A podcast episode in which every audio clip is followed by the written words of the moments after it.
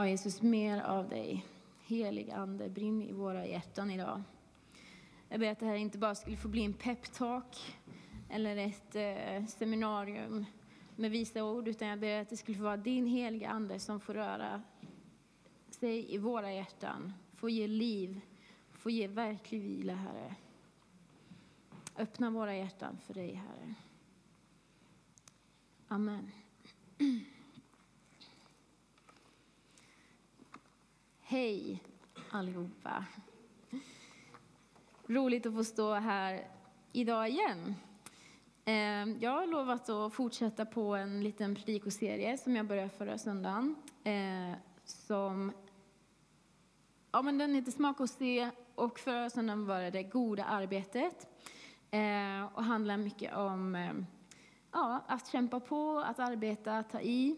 Ehm, vi pratar om arbete som och det kan vara ett mödosamt arbete dessutom, oavsett om det är för brödfödan eller för Guds rike, att det är någonting viktigt och någonting vi har skapats för. Eh, och att arbete är någonting som, ja men vi är skapta för meningsfullhet och att arbete kan vara en del av det som ger oss mening. Vi är skapta för att arbeta tillsammans, inte bara var och en för sig. Och att vårt personliga existensberättigande och värde inte ligger i resultatet av vårt arbete. Så där har du en liten kort sammanfattning. Annars kan du kolla på predikan på Youtube, men bara i två månader till typ. För de ligger inte uppe så länge, så passa på. Eh, annars har vi podcast också, lite reklam här. Eh, vill också bara nämna att eh, Jakob uppmärksammade mig förra gången på att jag ljög för er. Eh, för jag eh, sa att vi skulle läsa ur en bibeltext eh, och som eh, hade 24 versar i ett kapitel och det stämde inte alls. Eh, och det förklarar också varför jag själv blev så förvirrad över att min bibel inte sa samma som mina anteckningar. Eh, så. så ha med din bibel säger, fast ändå inte.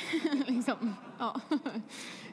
så en bra anledning till att hänga med i bibeln samtidigt. Och ni kan få börja med att hänga med mig till Saltaren 34 som är vårt tema bibelord. Jag ska också slå upp det här. Psaltaren 34, vers 13-15. Är du en människa som älskar livet och vill se goda dagar? Avhåll då din tunga från det som är ont, dina läppar från att tala svek. Vänd dig bort från det onda och gör det goda. Sök friden och jaga efter den. Så eh, dagens predikan ska handla om den senare delen av det här bibelordet att söka friden och att finna den verkliga vilan. Går det ens, kan man ju undra. Eh, jag skulle vilja visa er en eh, modern variant av det här bibelordet som vi återfinner i en eh, konversation faktiskt mellan två väldigt framstående författare i USA. Den ena heter John Ortberg och han, ehm, då var han en av pastorerna i en megakyrka, Willow Creek i Kalifornien. Och hans mentor hette Dallas Willard och han var en framstående filosof på ett av ehm, universiteten i södra Kalifornien. Och han frågade vad behöver jag göra för att bli den jag verkligen vill bli. För det kan vi undra. Liksom, hur ska vi bli våra bästa jag? Och Dallas Willards svar på den här frågan var stress är den största fienden till andligt liv i vår tid. Du måste hänsynslöst eliminera stress från ditt liv. Och det var kanske inte den frågan, liksom svaret som han väntade sig. Men det var, han var helt övertygad om att det var rätt väg att gå. Och antingen så kanske det här svaret träffar dig rakt i magen och du känner dig väldigt träffad. Eller kanske skruva lite på dig. Eller känner som jag kanske kan känna inför svaret att jag är ju rätt stresstålig. Stress behöver inte vara ett problem för mig. Eller, ja, och stress kanske också känns lite så här tjatigt. Eh, jag har mycket att göra, men stress, jag går ju inte till psykologen i alla fall. Men eller så känner man att ja, jag vill ha ett stressfritt liv. Det här längtar jag efter, det här som man pratar om. Att, att hänsynslöst eliminera stress från mitt liv. Det är det jag längtar efter. Ehm, men du kanske känner dig för trött eller för upptagen för att ens orka börja. Ehm, och kanske känner du igen dig i det här bara. Ehm, och det är ju egentligen ingen nyhet att stress är ett hot mot vår, inte bara psykiska hälsa, utan också vår fysiska hälsa. Vi är både ande, kropp och själ. Det ena påverkar det andra. Eh, men här framkommer då också att det är ett verkligt hot mot vår andliga hälsa. Eh, och om man ska vara lite ärlig, i Sverige i alla fall, om man frågar någon annan så här, hur är läget? Så vet jag inte hur många som det brukar svara, jo men det är bra, det är lite mycket nu bara. Eh, du kanske inte är den, men jag vet att den, det svaret kommer väldigt, väldigt ofta eh, när jag pratar med folk i alla fall, och även när jag själv svarar. Och egentligen så jobbar vi ju färre dagar än förr i Sverige. Eh, vi har mer semester. Eh, även i skolan så har man ju mer lovdagar som inte handlar om, ja men, förr hette det ju potatislov, att man skulle vara hemma och jobba på lovet. Eh, men det gör man ju kanske inte så ofta längre. Eh, inte de flesta i alla fall. Och vi har ju råd på ett helt annat sätt idag med nöjen och att un, liksom unna oss vila, att åka på spa eller på semestrar och och sånt, om, bara om man jämför med 75 år tillbaka, eller typ när min mormor eller farmor var lite yngre. Det fanns ju inte på kartan liksom, att man skulle åka på spa för att återhämta sig. Eller, ja. Och ändå så verkar det som att vi mår kanske inte så mycket bättre ändå. Och jag vill inte prata för mycket om stress. Jag tänker att vi behöver fästa blicken på Jesus en stund. Eh, för han är ju liksom friden själv. Han sover sig igenom stormar. Han kommer sent till sin döda vän. Han verkar liksom inte ens skynda sig när han för att sin döende vän skulle vilja att han kommer och hjälper honom lite så på dödsbädden. Eh, utan han går lugnt dit och låter sig även avbrytas på vägen. Eh, vem är han? Och hur kom, han verkar ändå vara som sagt friden själv, trots det här. Eh, och om man frågar honom vad är det viktigaste och vad är det största budet och även ända tillbaka till judarnas liksom, trosbekännelse så kan vi finna samma kärna. Och det är Hör Israel, Herren är Gud, Herren är en. Du ska älska Herren, din Gud, av hela ditt hjärta, av hela din själ, av din kraft och hela ditt förstånd. Du ska älska din medmänniska som dig själv. Det här är liksom de viktigaste och största bitarna som Jesus vill förmedla och som egentligen har funnits ända tillbaka in i Gamla testamentet. Ehm, och är det något som är tydligt så är det att det är just det Jesus kommer för att ge. Kärlek och frid. Frid lämnar jag åt er, min frid ger jag er. I Johannes 14 och 27. Och är det någonting som stress inte ger kanske vi kan vara överens om att det är kärlek och frid. Eh, liksom, är det någon gång man inte är glad, eh, kärleksfylld och fridfull så är det ju när man skyndar sig någonstans och är stressad. Eh, så kan jag känna i alla fall. När man ska, särskilt om man typ ska bort någonstans och ska lämna hemmet. Eh, och särskilt om jag inte är ensam om att lämna mitt hem utan jag ska få med min familj också på den här lilla upptåget vi ska iväg på. Då kvittar det hur kul det är där vi ska på. Vi behöver bara ta igenom där. Ja. Och så kan vi säga förlåt till varandra sen. Eh, om vi kommer ihåg det. Ehm. och förhoppningsvis lära oss till nästa gång. Corrie ten Boom kan ni googla upp sen. Men hon sa en gång så här, att om inte djävulen kan få dig att synda så kommer han jobba på att hålla dig upptagen. Jag tycker det är ett ganska intressant uttryck. Ehm, för synd och upptagenhet de har ganska snarlika effekter. Och det är att klippa kontakten eller göra kontakten sämre med både mig själv, med andra runt omkring mig och med Gud. I den här boken som jag har med mig, Den hänsynslösa elimineringen av stress, eh, som ni gärna får läsa, så skriver författaren John Mark Homer. Han var också pastor för en megakyrka. Den växte med tusen medlemmar per år i sju år i, i rad. Eh, det är en ganska kraftig tillväxt. så. Eh, men han insåg att eh, han höll på att bli någon som han inte ville bli eh, och att han behövde göra en stor förändring i sitt liv. Eh, och har funderat mycket över de här grejerna. Och han har gjort en lista på tio egenskaper eller ja, saker man kan uppleva i sitt liv, symptom kan man säga, på något som man kallar för stresssjukan. Eh, och du kan ju få se om du känner igen dig i några av dem. Eh, vi har irriti irritabilitet, så heter det. Och då inte bara liksom generellt att man blir lite irriterad ibland när någon är jobbig, utan att man är irriterad väldigt ofta och blir väldigt lätt irriterad. Och kanske särskilt mot dem man älskar mest egentligen, de som står en väldigt nära. De får liksom eh, den värsta skiten. Eh, det är en överkänslighet, att det finns liksom ingen finns inga marginaler att ta emot motstånd och klara av motstånd eh, och ännu mindre kritik. Eh, man kan liksom inte ta det sakligt utan det går rakt in eh, och känns personligt.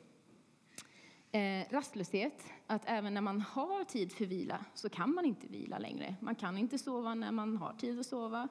Eh, man klarar inte av att bara vara tyst eller stilla. Och eh, de saker som kanske man tänker borde ge vila ger inte vila längre. Arbetsnarkomani, eh, finns mycket att säga där, men bara, det finns liksom inte gränser för hur, när det är nog att att jobba. Eh, utan man, man har svårt att avsluta dagen och eh, det är liksom arbetet som ger en värde. Eh, känslomässig avstängdhet. Man har, har, inte så bra kontakt med sina känslor längre. Eh, och kanske heller inte då med Gud. Det känns väldigt distanserat. Men också distanserat till sig själv, till andra. Ehm, defekta prioriteringar skriver han. Han menar på att när livet blir bara reaktivt och inte proaktivt. Alltså, hela ditt liv och allt som du gör och tar beslut om är som en reaktion på allt som händer kring dig och inte som att du gör ett val för att någonting ska hända i ditt liv. Eh, utan allting blir liksom bara som att ja, saker händer och du får bara reagera på det istället för att känna dig i takt med livet och att du kan agera med livet. Eh, brist på omsorg om din kropp, det basala, eh, sömn, mat, allt det där man behöver för att må bra rent fysiskt, eh, men som också påverkar psyket. Då. Flyktbeteende, att man ja, flyr olika situationer istället för att ta sig igenom dem. Och även att det går utför med sina andliga principer. Ehm, det blir liksom inte ja, men man, man tycker inte om att läsa Bibeln längre eller eh, det blir bara jobbigt att be och eh, ja, men ta tid till det som man... Det kan vara en sån sak som att, att vara ute och njuta av skogen och, och Guds skapelse inte heller blir njutbart längre. Eh, sånt som egentligen ger liv eh, orkar man inte ens ta sig an. Så det blir liksom ett moment 22 där man det, det, krävs ändå lite kraft för att göra det som man vet behövs för att få en förändring. Ehm, och till slut så kanske man inte ens orkar ta sig an det. Man vet att det här kommer göra att jag mår lite bättre så jag orkar göra det lite mer så jag mår ännu lite bättre. Utan då finns risken att det blir en, en nedåtgående spiral istället. Och isolering, att vi eh, vill inte ha med andra att göra. Eh, för det är väldigt ansträngande bara. Eh, vi orkar inte det. Så här kan du bara pröva dig själv om du känner igen dig i de här. Det här är ju inte alltså, taget direkt från Bibeln, men det är sånt som eh, inte heller är helt o, eller främmande för bibliska principer. Eh, och jag kan ärligt säga att jag känner mig träffad av väldigt många av de här punkterna. Och om du känner att du känner dig träffad så skulle jag vilja säga Hör Jesus i Matteus kapitel 11. För till dig tror jag han säger så här. Kapitel 11 och vers 28. Kom till mig, alla ni som arbetar och bär på tunga bördor, så ska jag ge er vila. Ta på er mitt ok och lär av mig, ty jag är mild och ödmjuk i hjärtat. Du ska, då ska ni finna ro för era själar. Ty mitt ok är milt och min börda är lätt. Kom till mig, jag ska skänka er vila. Jag kan känna att bara, bara bibelordet i sig kan ge mig mer ro att bara få läsa det. Men samtidigt kan man också undra, okej, okay, så hur då? Eller hur går det till? Och jag, jag vill också skicka med att stresspåslag är ju inte egentligen det farliga i sig. Eh, det kan vara nödvändigt för oss i nödsituationer eller eh, när ett barn är på väg till världen. Oj, till världen. Man behöver skynda sig lite. Eh, för så är det. Och då är det bra med stress lite. Det är liksom en funktion som finns där i kroppen av en anledning. Och trötthet tror jag heller inte är dåligt. Alltså det kan ju vara ett tecken på att man har haft det väldigt bra. Man har liksom kämpat för någonting och man har gjort ett gott arbete. Ehm, eller för att knyta an till förra söndagens liknelse kring träning så är ju trötthet många gånger en förutsättning för att du ska bli starkare. Ehm, men det är ju när stressen och tröttheten blir långvarig och när det blir som, en, som att livet är en enda lång nödsituation som du aldrig kommer ur. Ehm, eller en enda lång arbetsdag som du bara ska överleva. Det är då det kan bli faktiskt livsfarligt med stress och stå i direkt motsats, tror jag, med syftet med ditt liv. Och kanske är det därför Gud instiftar det vi kallar för vilodagen, eller sabbaten, ehm, när han skapar universum. Han låter sabbaten bli ett av de tio budorden ehm, och mer eller mindre en lagstiftad högtid för judarna. faktiskt. Så det är en av de viktigaste högtiderna som judarna fortfarande firar idag. Ehm, och det finns många liksom, bud om vad man ska göra om man inte håller eh, sabbaten. Då är det inte kul för. Nej, men det var väldigt viktigt att man höll, eller håller eh, sabbaten. Eh, och jag tror att det finns anledningar till det. I tredje Mosebok kapitel 23 så kan vi läsa att under sex dagar ska ni arbeta, men den sjunde är en vilodag. En sabbat för helig sammankomst. Den dagen får ni inte uträtta något arbete var ni än bor. Det är Herrens sabbat. Och det här är ju en av anledningarna till varför vi firar gudstjänst en gång i veckan som en sån rytm. Det, det tvistas lite om om det ska vara lördag eller söndag. Är det sjunde dags adventist så firar du gudstjänst på lördagar. Ehm, men vi brukar göra det på söndagar. Ehm, men just att man gör det som det här liksom, rytmen och hjärtslaget. Jag tror det är lite så man behöver tänka på sabbaten och vildagen, att det är som ett hjärtslag som ger nytt liv och man behöver ha det hela tiden. Ehm, det är liksom inte något att förhandla bort, utan det är livsuppehållande. Eller vad heter det? Ja, men upprätthållande av liv. Ehm, och jag tänker på tre saker när jag läser den här texten.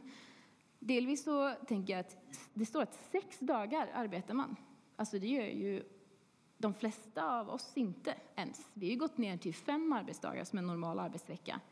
Däremot så är det inte så att vi inte är upptagna för det, utan vi, vi fyller ju livet med mycket ändå som vi kan uppleva som mödosamt eller arbetsamt.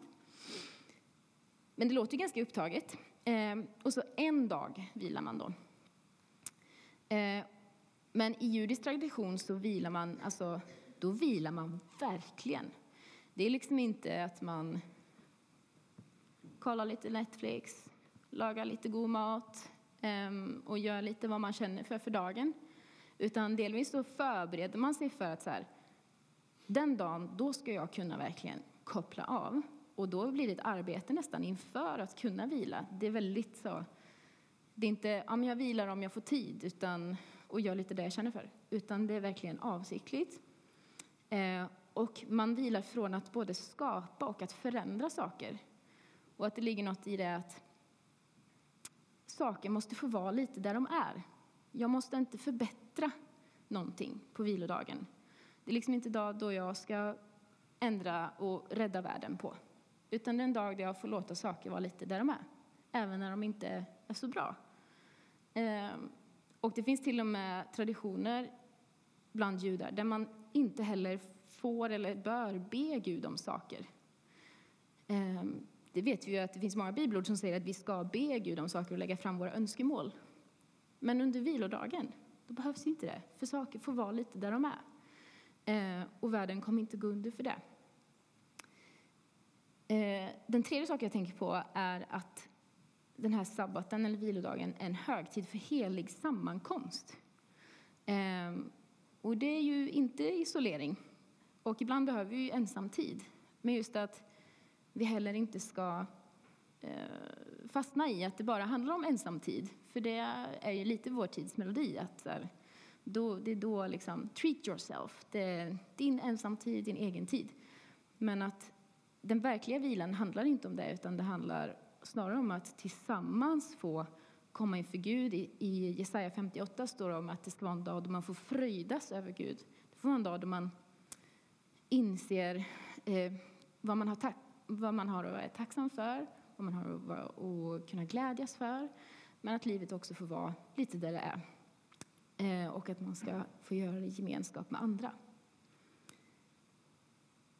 Det verkar vara möjligt att enligt Bibeln alltså både liksom leva och arbeta mycket och ändå känna frid.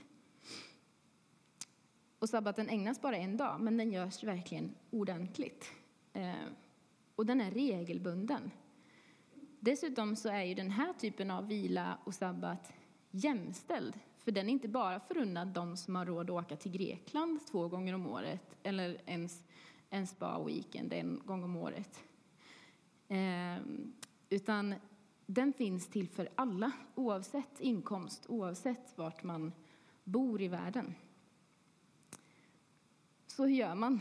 Eh, och då vill jag komma tillbaka till tematexten vi läste i början. Att vi behöver jaga friden. Och då tror jag att vi behöver göra som Jesus. Eh,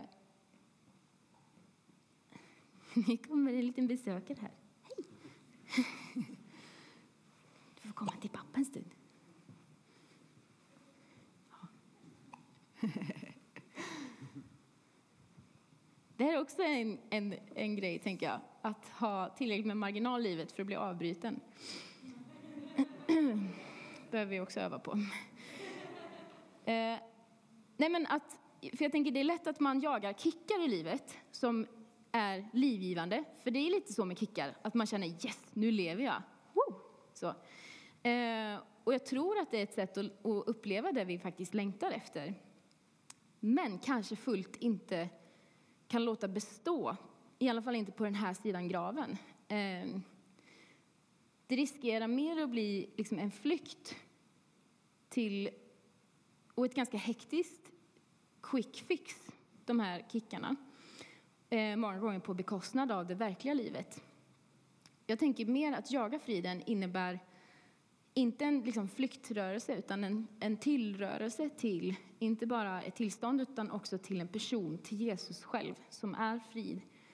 Um, och ja, det står i bibelordet och jag tyckte det var intressant, jaga friden. Och då låter det som att vi är tillbaka i det här eh, jagandet, det, att vara, ja, men, vad heter det? Jag tänker bara på engelska ordet hurry, att man liksom jäktar fram. Um, men så bara kommer jag att tänka på, om jag får dra en lite haltande liknelse, att när man jagar ett djur, jag vet att det är några i församlingen som jagar älg till exempel och räv och sånt. Det är ju inget man, liksom, man springer ju inte fram genom skogen och springer efter älgen. Utan man är ju tyst, man inväntar älgen. Man liksom tar det sakta, man låter det ta lite tid. Nu har inte jag varit med när ni har jagat, men jag, jag har förstått att det är ungefär så det går till.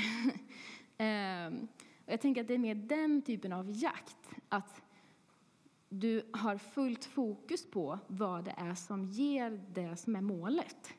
Ehm, och att du, har, du är närvarande, som man måste vara i en jakt. Du måste vara fullt närvarande för att inte missa djuret.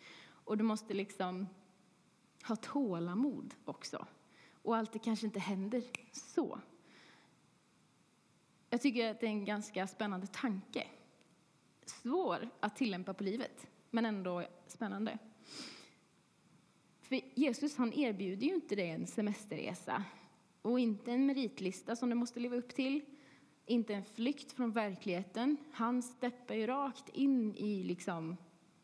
Han går ner från himlen till jorden och all dess trasighet och allting och ändå är han frid mitt i det och kallar oss till att också gå rakt in i den här världen och inte fly från den. Eh, och så säger han att gå in under mitt ok. Så det han erbjuder är ju faktiskt ett verktyg snarare. För ett ok är det vi ser på bilden här. Man använde det för eh, mycket till oxar när de skulle hjälpa till och jag misstänker plöja åken. Eh, jag har gjort min läxa dåligt, men de, det var liksom mycket i naturbruket och de fick göra det tunga jobbet. Eh, ungefär såg det ut så här. Ehm, och på, liksom när Bibeln skrevs så var det vanligt att man... Ja, men Jesus var ju inte bara Guds son. Han såg som en rabbin, en lärare, som gick runt i synagogor. Och där var det en van, ganska vanlig bild av... Ja, men en lärare hade ett ok och en lära som man liksom valde lite vilken rabbin man ville gå in under, vilken lära man ville följa. Och att det här oket blev som en bild av hur läraren axlade livet och ansvaret som kommer med att vara människa och att leva. För livet kan ju verkligen upplevas som en börda många gånger som man bara ska bära och eh, liksom arbeta sig igenom. Så när Jesus kommer och berättar om, om sitt ok och att vi ska ta på oss hans ok så menar han att ta, på er, alltså ta till er min lära. Följ det jag lär ut och det jag undervisar om. Ehm, gå in under min lära, men också när man ska lära sig, när man ser upp till en annan lärare och ledare, då lyssnar man ju inte bara till vad den säger att man ska göra, utan man tittar ju på, okej, okay, men hur, hur gör den här läraren för att faktiskt praktisera detta i livet? Så det är också att leva det liv som den läraren lever. Eh, och det tror jag, alltså Jesus säger att mitt ok är lätt, eller mitt ok är milt och min börda är lätt. Eh, och jag förstår det som att det är en, en viktmetafor. Det är lätt att bära. Och inte bara för att Hans liv är ett helt annat sätt att leva på än vad vi är vana vid. Eh, utan också för att han går ju bredvid. Alltså oket har ofta, det finns ju ok som är bara för en person. Men jag tänker mig att det är det här oket han har framför sig när han pratar om det. Att vi får gå axel mot axel med Jesus och dela på bördan. Dela på livet. Ehm, och det är inte alltid enkelt. Eller, jo, det kanske är enkelt, men ehm, det är inte gjort i en handvändning kanske. Ibland kan det vara svåra beslut som det innefattar. Det kan vara uppoffringar. Men det är ändå ett, ett lätt liv att leva för att det gör att det är lättare att andas. Det, är liksom, det får en att inte känna den här tyngden på axlarna på samma sätt. Ehm, och då får vi kolla på, okej, okay, men hur gör Jesus? Vad är det han säger att vi ska göra? Ehm, vad är det han själv gör? Mellan de här raderna också. Och delvis så ger han ju verkligen 100 procent av sitt liv. Han är fullt överlåten. Han håller liksom inte tillbaka. Ehm, han säger själv att i Johannes 10 och 18, ingen tar mitt liv ifrån mig, utan jag ger det av fri vilja. Jag har makt att ge det och jag har makt att ta det tillbaka. Det budet har jag fått av min fader. Alltså, här har vi ju en Jesus som är proaktiv. Han reagerar inte på vad som händer. Utan han väljer att först ge sitt liv. Och då känner han så här, ingen kommer åt mig. Jag har redan gett mitt liv. Du kan inte ta det från mig, för jag har redan gett det. Så han är proaktiv med hans sätt att leva. Eh, och, och, han gör det verkligen helt överlåtet, 100 procent. Eh, dessutom så arbetar han utifrån kärlek och ett tillstånd av att han vet att han är älskad. Inte för att förtjäna kärlek och beröm. Eh, om ni förstår skillnaden där. Att, att arbeta och göra allt man gör utifrån att men jag vet att det här får mig varken mer eller mindre älskad eh, för den jag är, utan jag gör det utifrån kärlek och att jag vill ge kärlek snarare än att eh, jag behöver det för att förstå att jag är älskad. Sen så drar han sig undan också, Jesus, eh, för att vila, för att få ny kraft, för att eh, prata med Fadern, för att be, ehm, för rekreation. Ehm, så det gjorde han. Men det fanns också tillfällen när han drog sig undan där folk ändå sökte upp honom och han lät sig avbrytas. Och jag tror att har man en regelbunden rytm av vila då gör det ingenting att den vilan blir avbruten någon gång ibland. Men det är när vi bara får till vilan liksom eh, ett par semesterveckor om året eller någon gång när det är kris, då har vi ju inte utrymme för att någon avbryter vår vila heller. Eh, och sen så lät han saker dröja ibland. Eh, och jag tror att delvis så handlar det om att behålla rätt fokus i sitt uppdrag och vad hans roll var i rätt tid.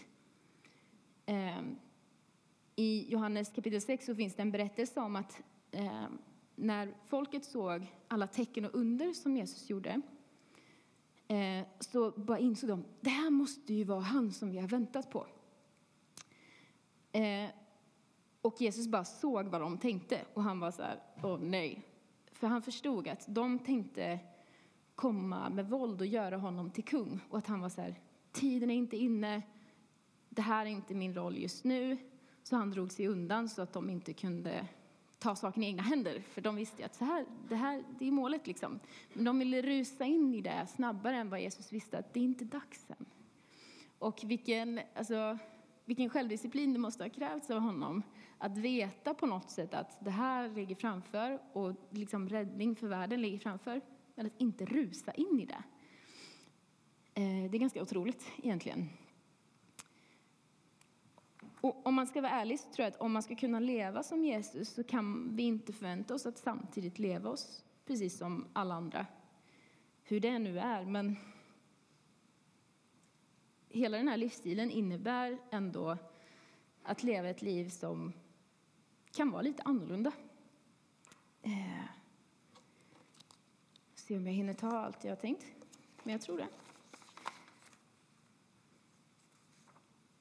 Det var den första punkten av tre som jag tänkte att så här, hur gör man om man tittar på Jesus? Den andra tror jag att vi behöver faktiskt, och det här egentligen tar lite på ett sätt emot för mig att säga.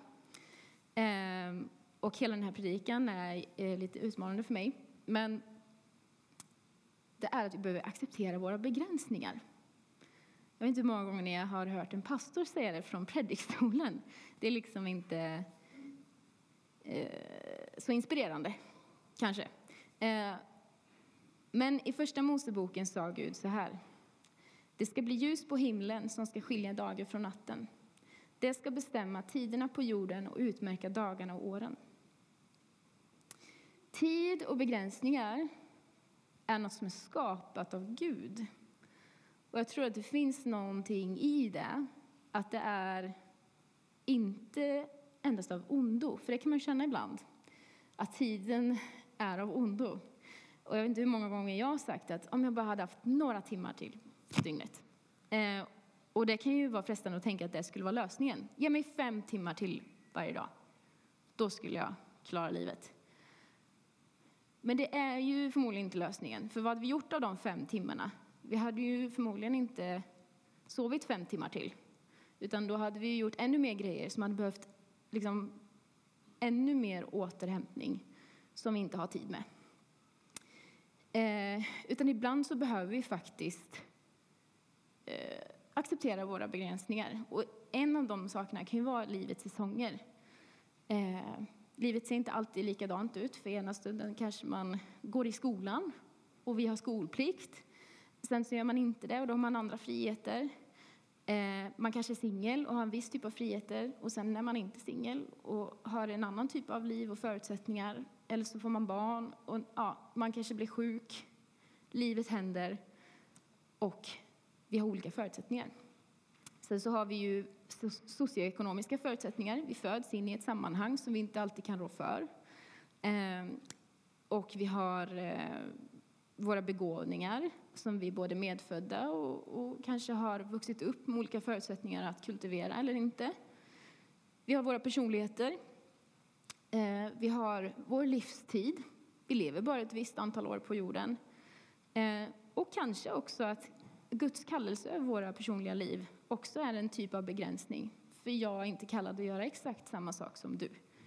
Ehm, och i allt det här så är inte min mening att du ska få vad är det, sju anledningar att skylla på att inte behöva liksom, ta tag i saker eller bidra eller göra vad du nu är kallad till. Utan mer att känna frihet och frid i att du kan inte vara överallt. Jesus insåg sina fysiska begränsningar. Jag kan inte vara överallt, men jag ska sända en helig ande som kommer kunna vara överallt. Och där visste han sin roll när han var här. Ehm, och vi vill ju gärna spränga gränserna, vi vill tänja på gränserna. Och till slut så är det vissa av oss som upplever att jag har nått gränsen och jag kan inte resa mig upp igen. Och jag tror att det är för att den enda som är oändlig, det är Gud. Och det står i Predikaren kapitel 3 att evigheten är nedlagd i våra hjärtan. Och den pockar på oss, tror jag, som en påminnelse om vad vi är skapta för, eh, att det finns en, en framtid i himlen eh, där det finns kärlek, fullständig frid, förnöjsamhet, gemenskap, närvaro, tillräcklighet. Allt det där som jag tror vi längtar efter. Eh, men det är också viktigt att vi förstår att det är Guds plats att vara oändlig och gränslös.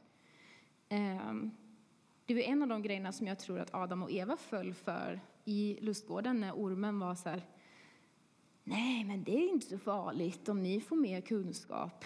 Ehm, men Gud, han hade sagt att det här är kunskapens träd och äter ni av den här frukten så får ni kunskap som Gud, i princip. Och det var väldigt attraktivt. För då kunde de liksom få vara Gud istället för att behöva söka kunskapen genom Gud. Alltså, man vill inte ta den liksom, gen, eller man vill gena lite. Jag vill själv ha den kunskapen, den här gränslösa gudskunskapen. Eh, men det är ju, jag tänker att det är ju genom Guds kraft som vi har ett, ett liv som inte behöver begränsas av det vi tänker att det är våra begränsningar.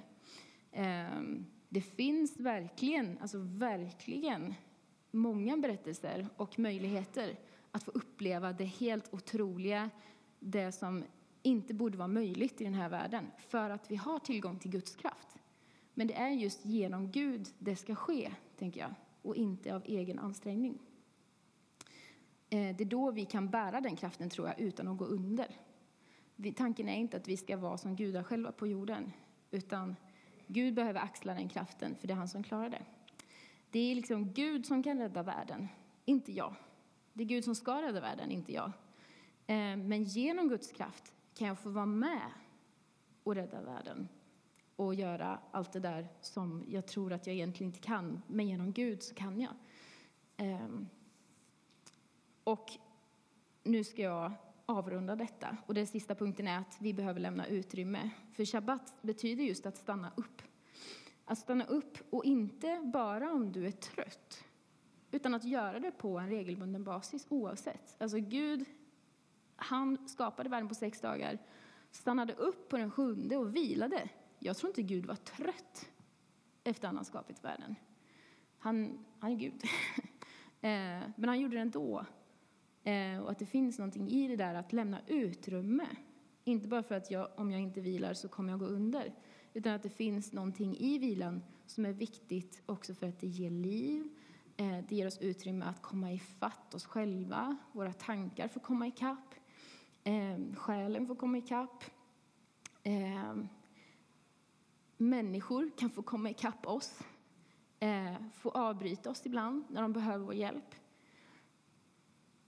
Att behöva, vi kan behöva bara skapa utrymme. Jag träffade Christer och Reiden här när jag förberedde min predikan i veckan.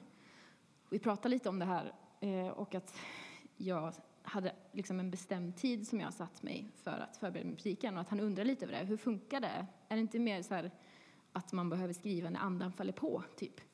Och att jag var så jo, absolut. Eh, men hade jag inte skapat de här timmarnas utrymme så hade andan aldrig fallit på. eller så hade den kanske gjort det, men jag hade inte haft tid att skriva ner det jag känner. Eh, utan ibland så måste man verkligen bara göra utrymme. Eh, och låta det bli av. Mm. Ja, jag får nog runda av där. Men det finns en rad, utöver sabbaten, andliga principer som eh, han skriver mer om i den här boken och rekommenderar den verkligen. Eh, sabbaten blev till för människans skull och inte människan för sabbaten.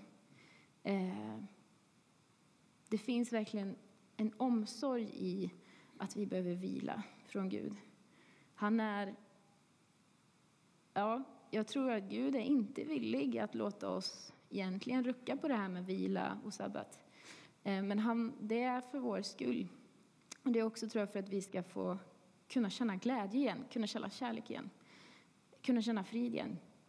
Ehm, och när vi hänsynslöst, om vi nu börjar testa det här och hänsynslöst radera stress i våra liv. För det är så det kan upplevas när man drar en gräns, att man är hänsynslös. Ehm, då tror jag att vi eh, lämnar utrymme för insikten att Gud är Gud och jag är jag. Ehm, och jag är Guds barn och jag är älskad för att han har skapat mig och inte för att jag förtjänade på något sätt. Och där tänker jag att vårt existensberättigande ligger. Inte vad vi har producerat eller tillfört till den här världen, utan att Gud ville oss här. Han har skapat oss. Han är Gud och jag är barn. Och det är liksom en frihet i det. Att jag behöver inte bära all världens tyngd på mina axlar.